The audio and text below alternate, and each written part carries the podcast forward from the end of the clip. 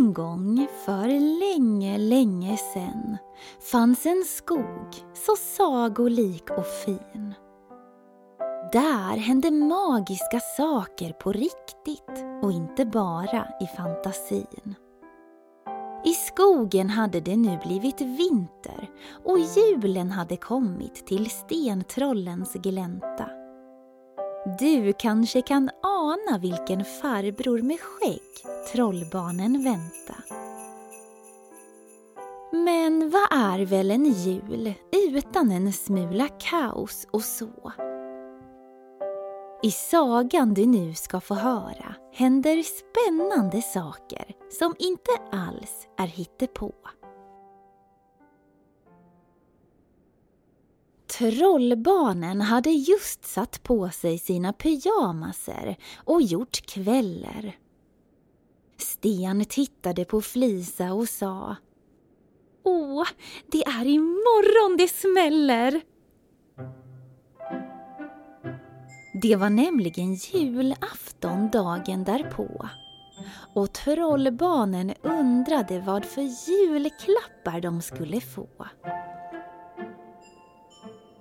De la sig i sina sängar och drog täcket tätt intill. Sten sträckte sig efter ett vattenglas som ramlade så det på golvet blev lite spill. Han satte sig på golvet för att vattnet ta reda på. När han fick syn på en liten, liten dörr som var blå. Han ropade på Flisa som kom med detsamma. Oj, sa hon. Här under måste du verkligen damma. Men strunt i det nu, sa Sten och pekade på dörren. Är det inte bakom en sån där dörr den bor, den där tomtenissen? Trollbarnen hade bara hört talas om att det brukade flytta in nissar till jul. De visste att de brukade hitta på bus, men också massor med saker som var kul. Nissedörren var som sagt blå. Den hade också en vacker julkrans som satt utanpå. Bredvid dörren fanns några små granar och en brevlåda. Trollbarnen var så sugna på att öppna dörren för att bakom den skåda. Så de kröp ner under sängen och fick då syn på en liten ringklocka. På en krok på väggen hängde också två små rockar som var varma och tjocka. Sten tryckte försiktigt på ringklockan och väntade på ett pling plong. Men inget ljud hördes. Istället började trollbarnen krympa Precis som när man tar ur luften ur en ballong. Snart var de så små att de utan vidare genom den lilla dörren kunde gå. De tog på sig en varsin liten rock och öppnade den lilla dörren. Och ni kan inte tro vad som hände sen. Innanför dörren fanns massvis med snö. Där fanns små timmerstugor och en gnistrande vintermiljö. Trollbarnen såg renar och tomtesläden i skyn. Då förstod de att de hade hamnat i självaste julbyn. De klev in och stängde den lilla dörren efter sig. Kom, sa Flisa till Sten. Följ efter mig.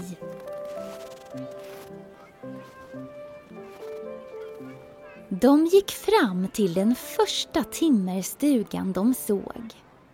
I skyltfönstret fanns massvis med julklappar och ett litet leksakståg. Det hängde julgranskulor från taket och allt i stugan var så vackert inrett. Längre fram fanns ett torg fullt av små nissar som sålde godis, kanderade äpplen och brända mandlar. Kom, sa Sten. Vi går och handlar. När de kom fram till torget visade det sig att allt var gratis. Trollbarnen plockade på sig allt de kom över, till och med en säck potatis. När de hade vandrat runt i julbyn i flera timmar sa plötsligt Sten nu är jag så trött så jag tror att jag svimmar.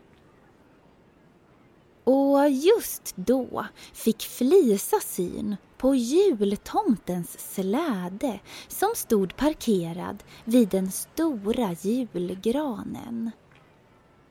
Och vid den satt en ren fastspänd. Det var renen Rudolf och han blev så glad att se trollbarnen. Sten och Flisa hoppade upp i släden där det fanns varma filtar.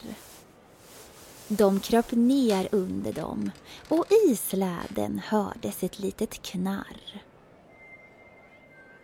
Himlen var full av stjärnor och trollbarnen höll precis på att somna när någon klappade dem på kinden. Kan ni gissa vem det var? Jo, självaste jultomten. Trollbarnen berättade om nissedörren de hittat under sängen. Jultomten bara log och petade upp läsglasögonen. Sen sa han en liten trollformel och trollbarnen blev stora igen. Tänk att han kunde trolla också, den där tomten. Han såg att de var trötta minsann och erbjöd sig att skjutsa hem dem igen till grottan. Tomtens släde svävade snabbt upp i skyn och nedanför dem syntes lamporna från julbyn.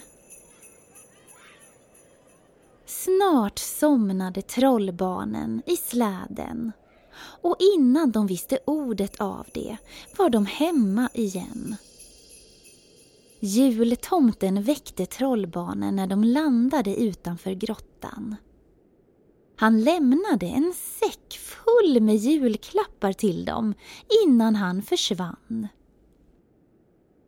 Trollbarnen gick in i grottan och la alla julklappar under granen. Mamma och pappa hade inte vaknat än. Så trollbarnen förberedde den mysigaste julaftonsfrukosten. Och gissa om mamma och pappa blev glada när de såg den. Sen hade familjen Stentroll en mysig julafton tillsammans. Och tänk att bakom nissedörren julbyn faktiskt fanns. Säg mig, har du också en nisse som bor hos dig? Och har han i sådana fall också julbyn bakom dörren? Och en sån där magisk ringklocka på väggen? Jag måste genast gå och titta om jag har en nissedörr hos mig.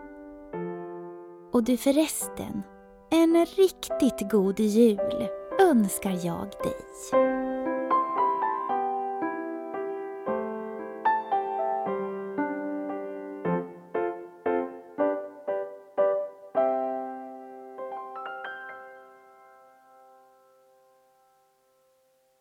Ni har lyssnat på Sagoskogen.